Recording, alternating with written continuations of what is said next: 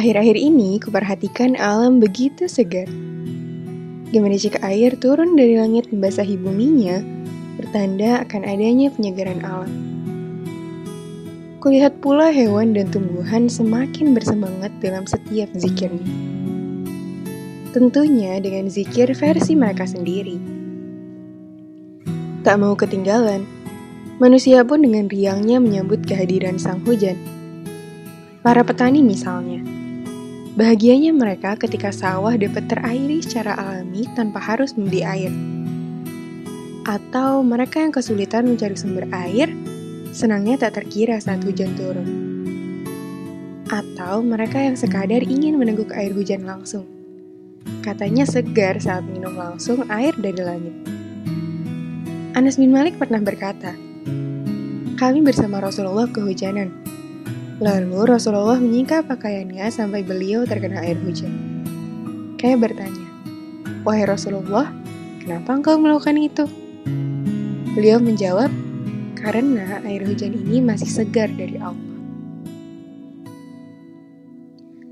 Kebahagiaan yang tak terkira saat hujan turun tetap tak mampu mengalahkan kebahagiaan Rasulullah dan para sahabat saat Al-Quran turun.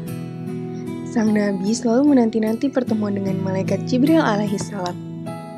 Pertemuan itu layaknya sarana untuk merefresh keimanan.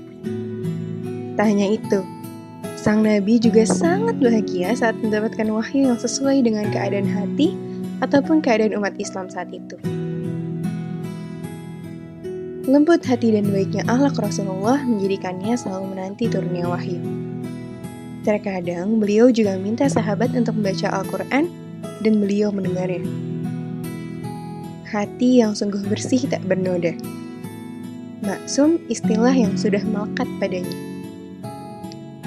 Jika sang nabi yang sudah tentu maksum selalu ingin dekat dengan segala hal tentang Al-Quran, jika sang nabi yang sudah tentu maksum selalu ingin memaksimalkan istighfar setiap harinya, jika sang nabi yang sudah tentu maksum selalu ingin menegakkan dan menghidupkan sepertiga malam setiap harinya, maka apakah ada alasan yang tepat bagi kita yang tak luput dari dosa ataupun lalai untuk jauh dari Al-Quran?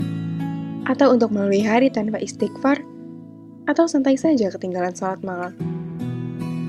Tentu harusnya tidak. Wahai hati yang masih dipenuhi bintik hitam dosa dan lalai, mendekatlah dan jalinlah hubungan dengan Al-Quran. Saat senang, bacalah Al-Quran. Saat sedih, bacalah Al-Quran. Saat galau, bacalah Al-Quran. Saat lelah, saat iman naik maupun turun, bacalah Al-Quran sampai nanti pada saatnya. Membaca, menghafal, dan mengulang bukanlah sekedar rutinitas, melainkan sudah menjelma menjadi suatu kebutuhan. Jiwa itu sendiri yang akan rindu mendatangi Al-Quran. Sungguh indah, bukan? Allah telah menurunkan perkataan yang paling baik, yaitu Al-Quran, yang serupa lagi berulang-ulang Gemetar karenanya kulit orang-orang yang takut kepada Tuhannya. Kemudian menjadi tenang kulit dan hati mereka ketika mengingat Allah. Itulah petunjuk Allah. Dengan kitab itu, dia memberi petunjuk kepada siapa yang dia kehendaki. Dan barang siapa dibiarkan sesat oleh Allah, maka tidak seorang pun dapat memberi petunjuk. Mendekatlah pada Al-Quran jalin dan kuatkan hubunganmu dengan Al-Quran. Hingga kesegaran hati yang tenang akan menjelma menjadi kesuburan iman yang tidak tanding. Semoga Allah menganugerahi hati-hati yang tak pernah puas dengan Al-Quran. Ingin dan selalu ingin bersama kalamnya kepada kita semua.